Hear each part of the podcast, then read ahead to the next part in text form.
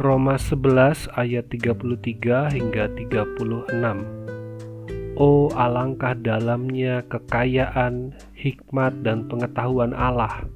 Sungguh tak terselidiki keputusan-keputusannya dan sungguh tak terselami jalan-jalannya. Sebab siapakah yang mengetahui pikiran Tuhan? Atau siapakah yang pernah menjadi penasehatnya? Atau siapakah yang pernah memberikan sesuatu kepadanya sehingga ia harus menggantikannya? Sebab segala sesuatu adalah dari Dia dan oleh Dia dan kepada Dia. Bagi Dialah kemuliaan sampai selama-lamanya. Keselamatan adalah anugerah. Paulus mengajak orang-orang Kristen di Roma, baik mereka dari kaum Kristen Yahudi maupun juga Kristen non-Yahudi, juga kita di hari ini untuk memandang pada Allah yang luar biasa. Allah yang menyelamatkan manusia dan Allah yang punya rencana yang besar di dalam keselamatan yang Ia berikan kepada manusia. Bagian-bagian sebelumnya kita melihat bagaimana Paulus menjelaskan Allah yang punya rencana yang indah melalui orang Yahudi Pertama-tama Allah memilih Abraham agar melaluinya, agar melalui keturunannya, semua bangsa mendapat berkat, agar semua bangsa dapat mengenal Allah yang benar.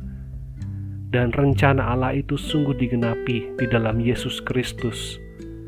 Kita melihat dan mengingat kelahiran Yesus Kristus, pelayanannya, kematiannya di kayu salib, kebangkitannya, menjadi jalan bagi kita manusia berdosa untuk mendapatkan pengampunan, membuat kita manusia yang tak berpengharapan, punya pengharapan, dan dapat mengenal Allah dengan benar.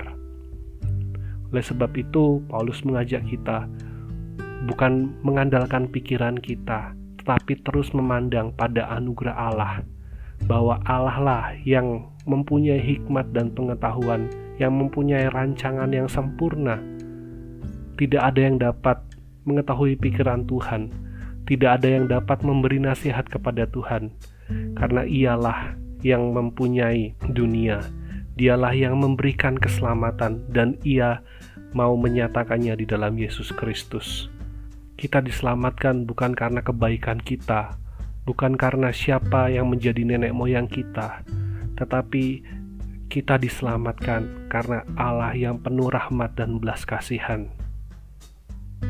Pada akhirnya Paulus mengajak kita untuk menyadari bahwa segala yang kita harapkan adalah benar jika kita kembali pada Allah, sumber segala hikmat dan pengetahuan. Jika kita menjalani kehidupan kita untuk Tuhan, Sang Terang dan kebenaran itu, yang memberi kita kekuatan, yang memberi kita kemampuan dan memberikan kita kedamaian. Bagi dialah kemuliaan sampai selama-lamanya. Mari kita jalani hidup kita, mari kita tekuni apa yang menjadi bagian kita di hari ini, sampai kita dapat memuliakan Tuhan, dan kita lakukan itu untuk terus memuliakan Tuhan, menyampaikan Tuhan yang benar, yang telah mengasihi kita dan telah menebus kita serta memberi hidup yang kekal. Biarlah segala yang bernafas menyembahnya. Kiranya firman Tuhan ini menolong kita untuk terus menyadari akan anugerah yang besar ini dan kita gunakan hidup kita untuk sungguh-sungguh memuliakan Tuhan. Selamat beraktivitas, Tuhan Yesus memberkati.